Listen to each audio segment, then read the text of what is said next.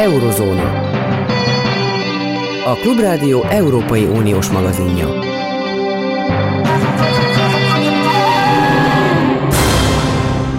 Köszöntöm a hallgatókat. A mikrofonnál Kárpáti János. A mai nagypénteki műsorban két beszélgetést hallanak. Az első témája a vallás szerepe a mai világban, a másodiké pedig izraeli helyzetkép. Tartsanak velünk! Tizegy néhány évvel ezelőtt, amikor brüsszeli tudósító voltam, a kislányunk budapesti barátnője és annak mélyen hívő római katolikus nagymamája kijött hozzánk húsvétra látogatóba. Mit mondjak, vért izzadtam, mire találtam a néninek olyan egyáltalán nyitva tartó templomot, ahol átélhette nem csupán magát a Szentmisét, hanem annak közösségi élményét is, húsvétkor. Ez az emlékem jött elő, amikor elgondoltam, miről szeretnék beszélgetni Gábor György vallásfilozófussal, aki most itt van a telefonvonalban. Jó napot kívánok! Jó napot kívánok!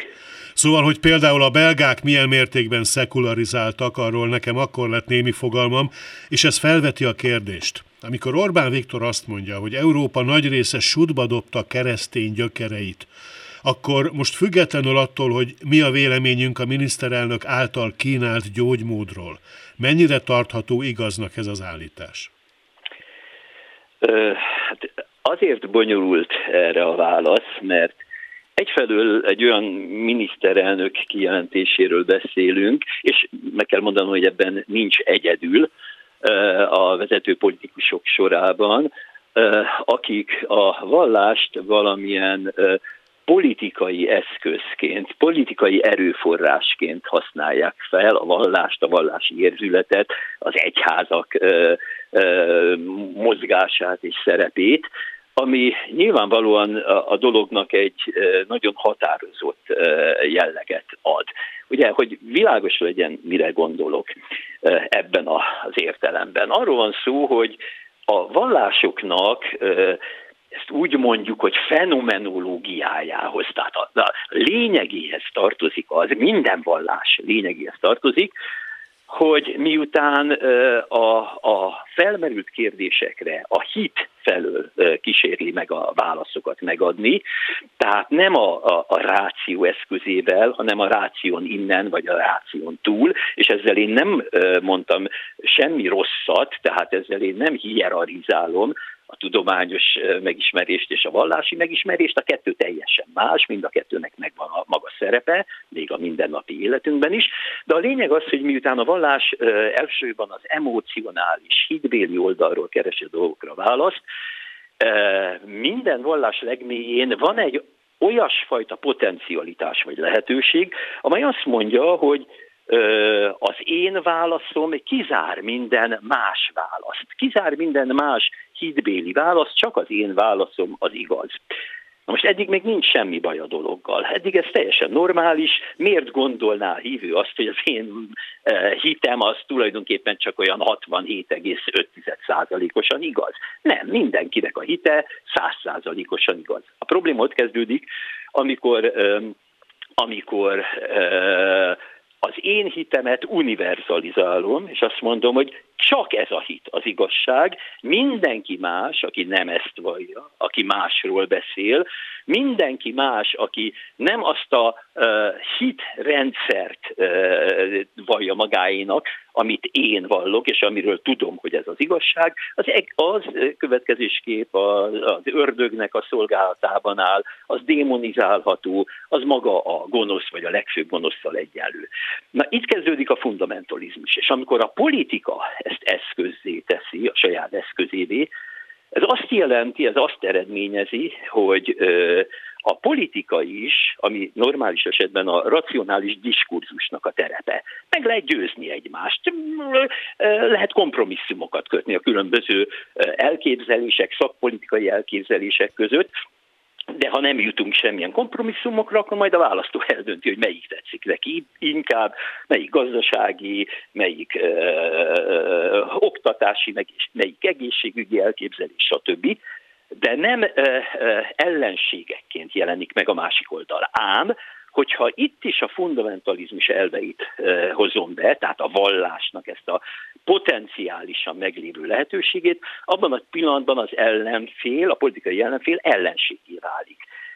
hiszen én akarom a jót az országnak, egyedül én képviselem, következésképp aki velem szemben áll, az nem képviselhet más, csak a rosszat, amivel szemben, vagy akivel szemben minden megengedhető, sőt, mindent végre kell hajtani ahhoz, hogy a nemzet, meg az emberiség az boldogan élhesse az életét. Tehát démonizálódik az ellenfél, és ellenséggé válik. Tehát ez az a egyik módja annak, ahogy a, a politika a vallást politikai erőforrássá teszi. De van egy másik oldala is, és ez talán a föltett kérdéshez még közelebb vezet. Kétségtelen tény, hogy, és ezt érzékelni kell, a, az a nyugati világ, és ezt nevezhetjük nyugati világnak, európai világnak, zsidó-keresztény világnak, ugyanarról beszélünk, itt nem fogunk ezen összeveszni. Szóval ez a világ, ez a civilizáció, számtalan módon egészen egyszerűen a kirojtózódottság állapotába kerül. Picit az az érzésem, mint ami lehetett mondjuk a, az ókori Rómában, amikor Alarik gótjai szétverték ugye az örök várost, már elkezdődött valami, de az, a rómaiak ezt még nem érzékelték, és úgy gondolták, hogy ez még javában az örök város világa, javában a római birodalom világa, sőt még Bizáncban is így hitték. Ezt azért mondom, mert az a hagyományos értékrend, amely viszont tényleg és valóban részben a görög-római, részben pedig a zsidó-keresztény értékrend nyomán alakult ki, és fejlődött tovább, a nyugati civilizációban. Három várossal szoktuk ezt leírni jelképesen, ugye Atén, Róma és Jeruzsálem. Ez, ez az értékrend, tehát ennek a nyugati világnak az értékrendje felbomlóban van minden tekintetben. És ezt mintha nem érzékelni az értelmiség kellőképpen, még mindig azt gondolván, hogy a, a, ez a világ, amiben élünk, ez azonos azzal a világgal, miközben egy őrületesen nagy változás kellős közepén vagyunk. Igen, létezik ugye ez a politikai fogalom Európában, hogy keresztény demokrácia. És e körül rengeteg minden félreértést lehet kihasználni, azzal visszaélni. Milyen a viszonya politikai, a politikai értelemben vett keresztény demokráciának a liberalizmushoz? Hát ez egy nagyon sajátos viszony. A 19. században történt meg egy hallatlanul érdekes váltás. A 19. században ugyanis az akkori keresztény gondolkodás, és tulajdonképpen akkor, amikor mondjuk a, a, a katolikus hagyományon belül megszületik a társadalmi tanítás elve, és amely látszólag igen erőteljesen a liberalizmussal szemben határozza meg önmagát, a liberalizmusban élesen egy szekuláris ellenfelet látva, egy olyan ellenfelet, amely, amely a világot szekularizálni akarja, a világnak a, a, a transzcendens jellegét, a transzcendens irányultságot kívánja eltörölni, ami egyébként nem igaz, de így érzékelte. Ezen közben ez a társ keresztény katolikus társadalmi tanítás a liberalizmus legalapvetőbb elemeit emeli be a saját tanításába, természetesen átfogalmazva, természetesen áthangszerelve, de hát azok az elvek, amelyeket a klasszikus liberalizmus kimondott, hogy csak néhányat említsek, mondjuk az, az emberi méltóság fogalmára gondolok, az emberi jogok fogalmára gondolok. Ezek az elvek, vagy arra gondolok, hogy, hogy mindent, minden kérdést a, a legszűkebb és a legalacsonyabb, vagy a legközvetlenebb szinten kell megoldani, onnan kell keresni a választ, és nem egy központosított, centrális és a hierarchia legtetején lévő tanítóhivataltól. Tehát, tehát ezek az elvek, ezek a liberalizmus, a klasszikus liberalizmus elvei, ám mégis ezek átemelődnek a keresztény hagyományba, miközben fenntartja a liberalizmus ellenességének a, a tételét, ez egyébként nagyon sokszor megjelenik a 19. században már, amikor indexre kerülnek olyan tanítások, amelyek a, a, a, ezek akár társadalomtudományi, akár természettudományi tanítások, amelyek a, amelyeket valamilyen módon ellenségesnek tekintett a keresztény hagyomány. De még egyszer mondom, a lényeg, tehát a klasszikus liberalizmus lényege az átemelődik ebbe a hagyományba, csak áthangszerelve voltak éppen keresztény demokrácia, mint berendezkedés. Nem mint keresztény demokrácia, mint politikai irányzat. Létezik-e egyáltalán? Ugye a, a, a kereszténység egyfelől teljes joggal gondolja azt, véli azt, hogy egy olyan átfogó világmagyarázattal rendelkezik, amely átfogó világmagyarázat alapjait egyébként a, a bibliai hagyományban találja meg, és ez az átfogó világmagyarázat, ami alkalmas egyébként a, az ember és ember kapcsolatának a leírására, etikai, morális kérdések megválaszolására, ez az ő birtokában van. Na most az igazi paradoxon azonban ott érzékelhető, vagy abban érzékelhető, hogy a modern demokrácia az egy plurális demokrácia.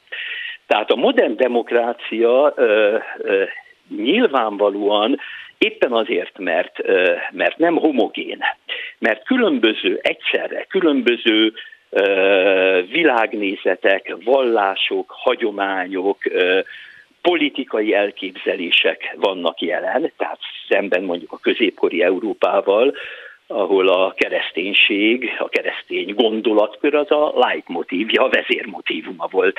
Nem csak a gondolkodásnak, nem csak a tudományos vagy a művészeti gondolkodásnak, hanem a jogalkotásnak is természetesen.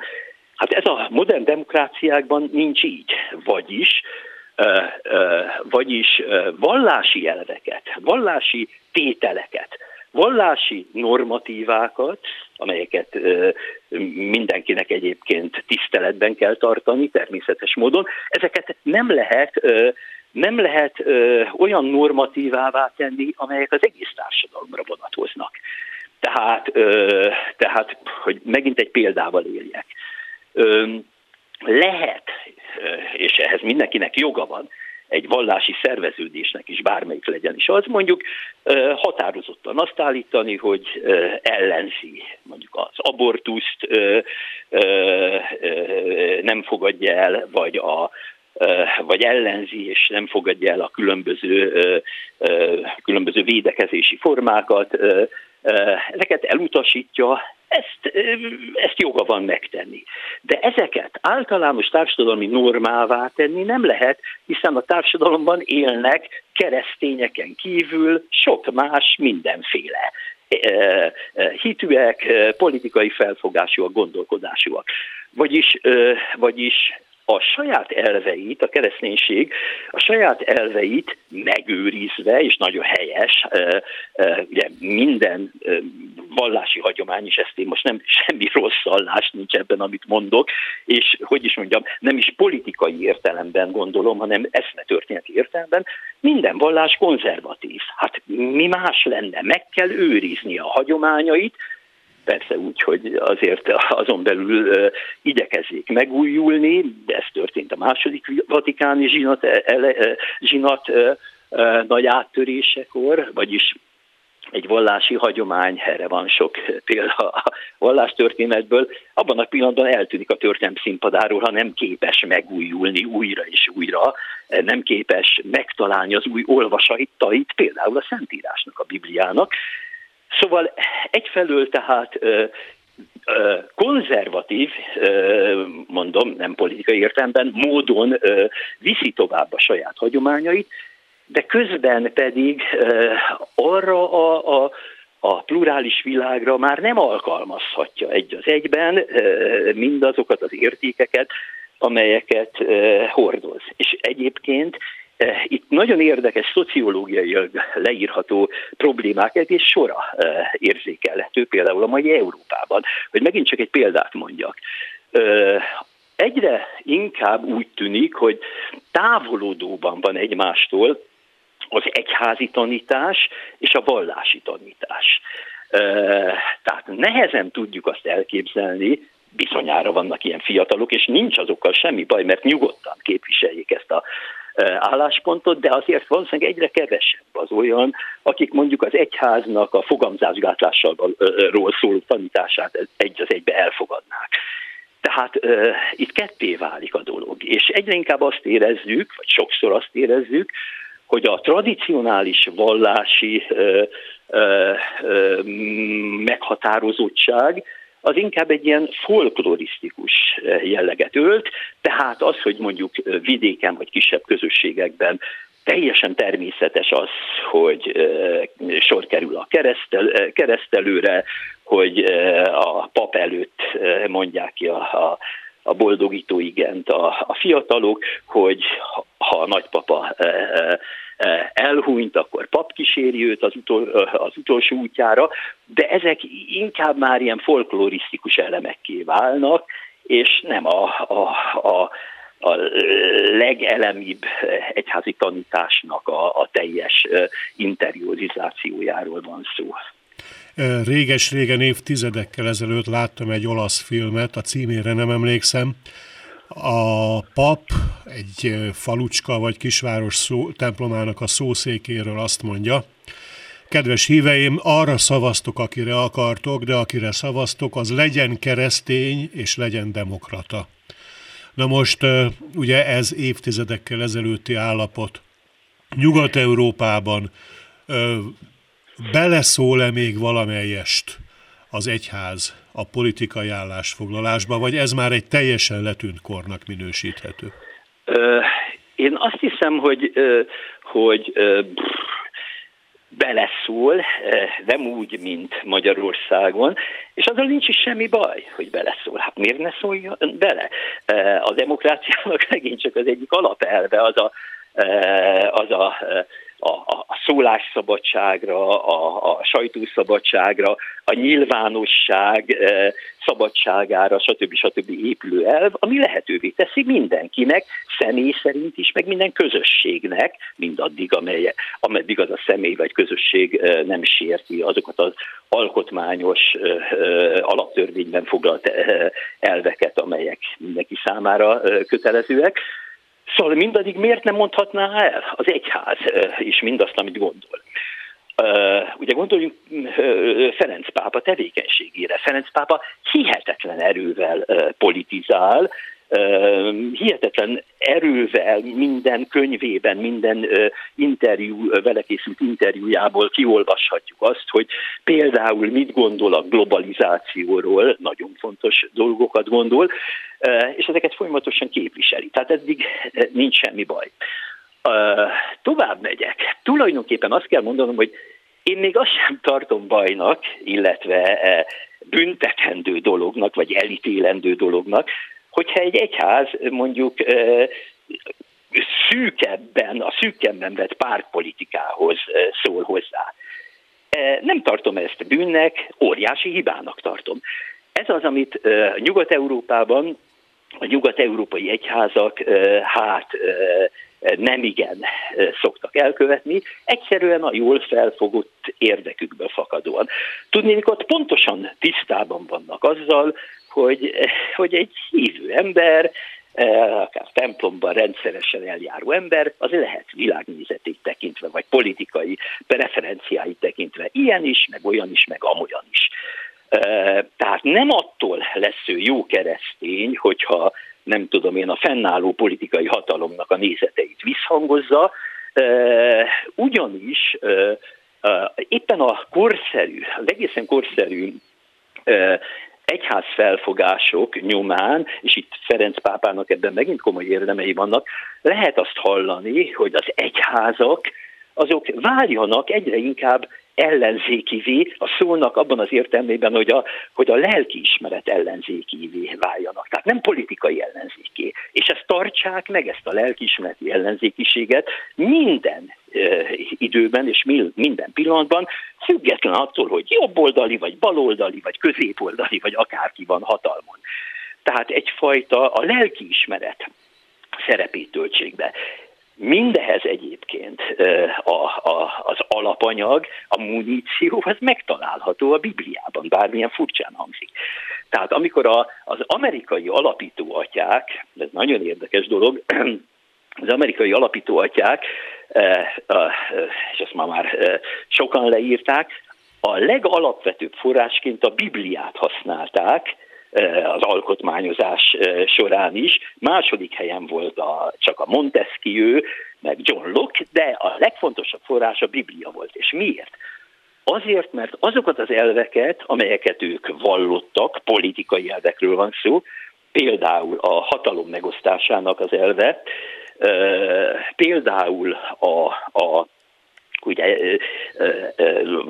például a, a az az elv, amelynek a lényege az, hogy a fékek és ellensúlyok megtartása, megtartására szükség van, ezek mind-mind bibliai eredetűek. Ugye gondoljunk arra, hogy a Biblia emberképe abból indul ki, hogy az ember rossz, illetve rosszá vált. Tehát a, elkövette az első bűnt, és attól kezdve ez eredendő bűn, vagyis tovább öröklődik Szent Ágostán, Ágoston elméletében a szexus az, ami tovább örökíti, minden esetre az ember bűnös lény. És ebből kiindulva azt mondták ezek az alapító atyák, akik mélységesen hívő emberek voltak, a legtöbbje, főként a protestantizmus szélesebb holdudvarához tartozva, azt mondták, hogy ez, azért kellenek a fékek és ellensúlyok, és erre a Biblia nagyon sok példát hoz fel, mert a legjobb ember is, ha megválasztjuk, könnyen, hát mondjuk belerészegethet a, a hatalom gyönyörébe, belerészegethet a kapzsiság etikai, negatív etikai állapotába. Tehát, tehát a legjobb ember is elkövetheti azt, ami nem kívánatos, és ezért van szükség a fékek és ellensúlyok rendszerére, még egyszer mondom, ez a Bibliából abszolút kiolvasható, hiszen ott a, a Héber Bibliában, vagy az Új Testamentumban számtalanszor találkozunk olyan királyokkal, akik szembefordultak az isteni törvényekkel, ám az isteni törvények rájuk is vonatkoznak, ezek egalitáriánus törvények, és ilyen esetben ők is bűnhöttek. Ezért mondja majd ki a 16.-17. századi reformáció, hogy a zsarnok, a zsarnok gyilkosság, a zsarnok ülés megengedett, a zsarnokokkal való fellépés Istennek tetsző dolog. Szó szerint ez hangzik el. Tehát ezek az elvek mind-mind megtalálhatók a, a saját hagyományában, a kereszténység saját hagyományában. Nagyon szépen köszönöm Gábor György vallásfilozófusnak ezt a beszélgetést, így húsvét és Pészák előtt. Én is köszönöm szépen, és minden uh, hallgatónak a saját vallása, világnézete szerint kívánok szép uh, Pészási ünnepeket, illetve boldog áldott húsvétot. Minden jót kívánok! Én is köszönöm minden jót, viszont hallásra. Viszont hallásra. Miközben a kereszténység a húsvétra, a zsidóság pedig a Pészakra készül, a világ pedig fellélegzőben van a koronavírus járványból, tehát ismét útnak indulnak nagy zarándok tömegek, a hírekben újra megjelennek az erőszakos cselekmények. Palesztinok feldulták József sírját, izraeli rendfenntartó lőtt agyon késsel rátámadó palesztint, gyilkos lövöldözés volt Tel Avivban. Mindez mondhatnánk cinikusan, már szinte rituálisan visszatérő eseménysor, mintha mi sem változna. Mégis, aki ott él Izraelben, testközelből éli meg az ottani közállapotokat, el tudja nekünk mondani, hogy nem kiragadva egyes erőszakcselekményeket átfogóbban nézve, mostanság miként alakul Izrael belső helyzete, mennyire békés, illetve háborgó a légkör. A vonalban itt van velünk Székely Róbert, az izraelinfo.com munkatársa. Jó napot kívánok! Jó napot kívánok! Tehát három világvallás szent földjén miként viszonyul most ember az emberhez? Sajnos, eh, amint te is mondtad, eh, Izraelben eléggé szokványosak az erőszakos események, és mindannyian reméljük, hogy előbb-utóbb véget érnek ezek, de sajnos nem látható az, hogy ez a következő egy-két éven belül, vagy akár évtizeden belül történne. Az elmúlt években sikerült valamennyire visszaszorítani az Izraelen belüli terrortámadásokat, de most újra fellángoltak ezek, és a legrosszabb formában abból a szempontból, hogy nehéz védekezni az egyes emberek által és terroristák által végrehajtott terrorcselekmények ellen, mint amikor egy reguláris hadsereggel szemben kell felvenni a harcot. Ilyenkor két lehetséges dolog van. A jobb eset az, amikor sikerül megszüntetni az okát a terrorcselekményeknek, tehát elérni egy olyan politikai helyzetet, amelyben a két nép végre megbékil egymással, és sikerül a közel-keleten egy normális életet folytatni. A másik lehetőség pedig az, amikor megpróbálnak, megpróbáljuk fölvenni a harcot az ezeket a terroristákat küldő szervezetekkel szemben. Izraelben hagyományosan a palesztin körök két fő csoportját különböztetjük meg. Ugye vannak a mérsékeltebbek, a hatóság, és van a radikálisabb, a hamász. A kettő közti erőviszony kérdése sokszor az, hogy a, a béke mennyire törékeny vagy, vagy stabilabb. Hogy alakul most ez az erőviszony a hatóság és a Hamász között? Most már viszonylag hosszú ideje stagnál, amíg a gázai övezetben elsősorban a Hamas nagyon erős, és a gázai övezet lényegében a Hamas uralma alatt működik, addig a nyugati partvidék az Asaf, tehát a palesztin felszabadítási frontnak a hatósága alatt megy. Ők azok, akik egy kicsit talán kevésbé harciasak, bár az utóbbi néhány terrorcselekmény pont a nyugati partról származó arabok hajtották végre. Az elmúlt időszak, évek történései közé ugye ebből a szempontból nagyon fontos megemlíteni az amerikai politikai helyzet változását. Volt egy Donald Trump korszak, aki átvitte a nagykövetséget is, tehát gyakorlatilag sokkal több gesztust tett Izraelnek, mint korábbi amerikai kormányzatok. Aztán ugye Trump távozott, most van egy demokrata párti kormányzat, hogyan látja Izrael azt, ami Washingtonban változott, és mennyire tartja stabilnak a mostani washingtoni viszonyokat, mire számít abban az esetben, ha esetleg ismét jönnek a republikánusok? Ez egy nagyon-nagyon jó kérdés, és valóban az amerikai politikai helyzet kihatással van a közel-keletre, és Izraelben éppen ezért mindig árgus szemekkel figyelik azt, hogy ki lesz a következő amerikai elnök, illetve a kongresszusban és az alsóházban melyik párt került többségben. Azért az elmondható, hogy végső soron mindkét nagy párt, tehát a demokraták és a republikánusok is végső soron támogatják Izraelt, csak talán ezt más formában teszik, illetve másra összpontosul a figyelmük.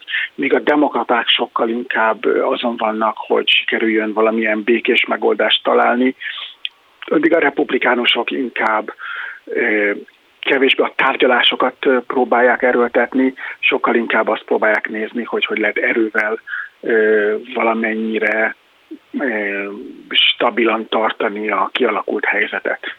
Tehát Izrael számára borzasztóan fontos az, hogy az amerikai kormány mennyire támogatja Izraelt, és ki van éppen kormányon, de azért az elmondható, hogy mindkét pártól támogatást kap Izrael. Izrael számára a legnagyobb térségbeli fenyegetést voltak éppen Irán jelenti. És Irán ugye az egész nemzetközi közösséggel szemben áll az atomprogram kapcsán, amelyre volt először egy atomalkú, aztán az amerikaiak kiléptek belőle, aztán Trump bukásával újra kezdődött valamiféle tárgyalás, hogy talán mégis korlátozni lehetne Iránnak a nukleáris ambícióit. Izrael az eddigi megnyilatkozások alapján úgy látom, hogy meglehetősen szkeptikus ezekkel a nemzetközi egyeztetésekkel kapcsolatban.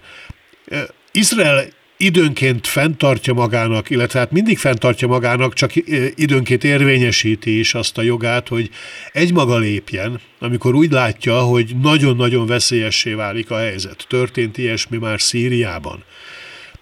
Mennyire, mennyire reális az a veszély, hogy Izrael egymaga, egyoldalúan kénytelen lesz valamilyen katonai lépést tenni akkor, hogyha a diplomácia kudarcot val Irán megfékezését illetően? Izrael számára a katonai fellépés nyilvánvalóan az utolsó lehetőség, amit megpróbál kihasználni, és ö, mielőtt bármilyen fellépést tennem, megpróbál kiaknázni minden egyéb lehetőséget. Az, hogy a nemzetközi atomegyezmény mennyire segítette, vagy mennyire támogatta inkább az iráni atomprogramot, erről nagyon nagy viták vannak Izraelben. Sokan úgy gondolják, hogy az atom, atomegyezménynek az égiszálat tulajdonképpen Irán tovább fejleszthette csöndben, zavartalanul az atomfegyvernek a, a megszerzését, és éppen ezért nem, hogy egy ilyen atom alkú az nem, hogy jó lenne, hanem csak egy, hanem inkább rossz is, mert egy látszólagos csendet mutat, miközben a felszín alatt rohanunk az atomfegyverrel felfegyverkezett Irán felé.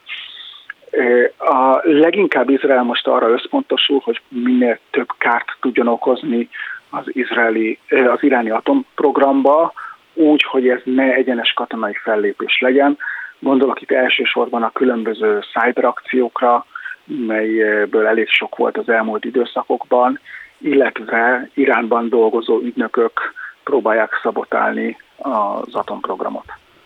Igen, na most az izraeli belpolitikára rátérve, itt Magyarországról nézve azért is különösen érdekes, mert sokan többször mindenféle párhuzamokat vontak a magyar és az izraeli helyzet között, nevezetesen azt illetően ugye, hogy van egy nagyon erős, erőteljes, sokak által rajongott, sokak által gyűlölt miniszterelnök, és van egy nagyon sokszínű ellenzéke, amely megpróbálja ezt a miniszterelnököt kibillenteni a hatalomból.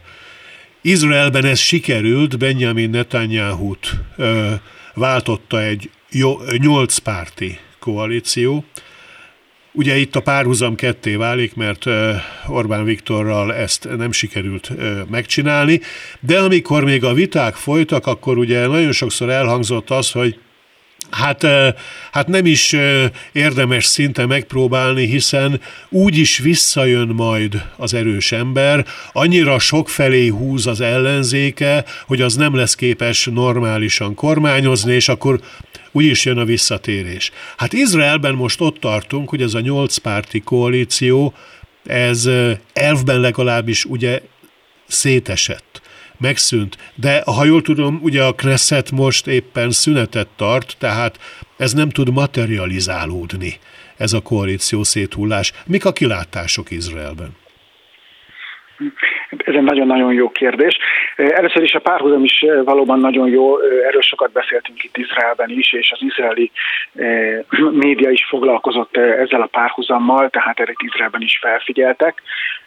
A nagy különbség talán az, amiért sikerült itt az ellenzéknek mégis leváltania, összefogni és leváltania Netanyahu-t, az az, hogy a demokráciának a szétverésében Netanyahu még nem, nem sikerült eljutni arra a szintre, mint Orbán Viktornak, tehát nem uralta a médiát és a bíróságokat olyan szinten, mint ahogy ez történik ma Magyarországon. Az, hogy mi lesz a jövő, az egy nagyon-nagyon jó kérdés. Jelenleg a koalíció azon dolgozik, hogy minden nehézség ellenére sikerüljön mégis összetartani a koalíciót, és vagy külső támogatással sikerüljön akár kisebbségben is, egy kétfős kisebbségben is továbbvinni a kormányt, illetve esetleg bevenni egy újabb pártot is. Erre történnek is kísérletek, hogy valamelyik e, ultraortodox pártot, akik eddig teljesen ellene voltak ennek, mégis sikerüljön e, bevenni őket a koalícióba. Erre van is egy minimális esély, de azért én személy szerint nem hiszem azt, hogy ez jön. A másik lehetőség az az, hogy Netanyahu megpróbál alakítani egy kormányt, de igazából neki sincs többsége, tehát hiába tudna megszavazni egy bizalmatlansági indítványt, nincs meg a megfelelő számú támogatottsága ahhoz, hogy kormányt alakítson. A jelenlegi közvéleménykutatások alapján a harmadik út sem lenne járható, azaz, hogyha feloszlatnák a Knessetet, és ismét választásokat írnának ki, ebben az esetben újra ugyanaz a padhelyzet valószínűsíthető, mint ami az elmúlt négy választások után volt, tehát sem a baloldal és a centrista erők, sem a jobboldali Netanyahu kormánynak nem lenne megfelelő többsége ahhoz, hogy nagyon-nagyon komoly kompromisszumok nélkül kormányt tudjon alakítani. Tulajdonképpen min tört a mostani koalíció? Mennyire fontos, kardinális Izrael létejövője szempontjából kulcsfontosságú kérdésen, vagy valamiféle viszonylag mellékesebb témában különböztek össze? Nem valamilyen törvény miatt különböztek össze, ez csak a kifogás volt.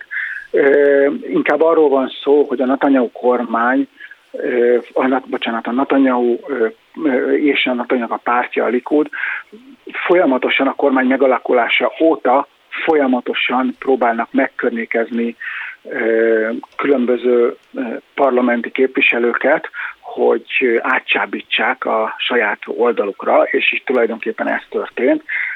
Különböző jövőbeli pozíciókkal, miniszteri pozíciókkal és hasonló módszerekkel próbálják őket rávenni arra, hogy ott hagyják a kormányt, valamint igen kemény nyomást gyakorolnak ezekre a képviselőkre, hogy ne hagyjanak semmiféle lehetőséget arra, hogy továbbra is a kormányban tudjanak maradni.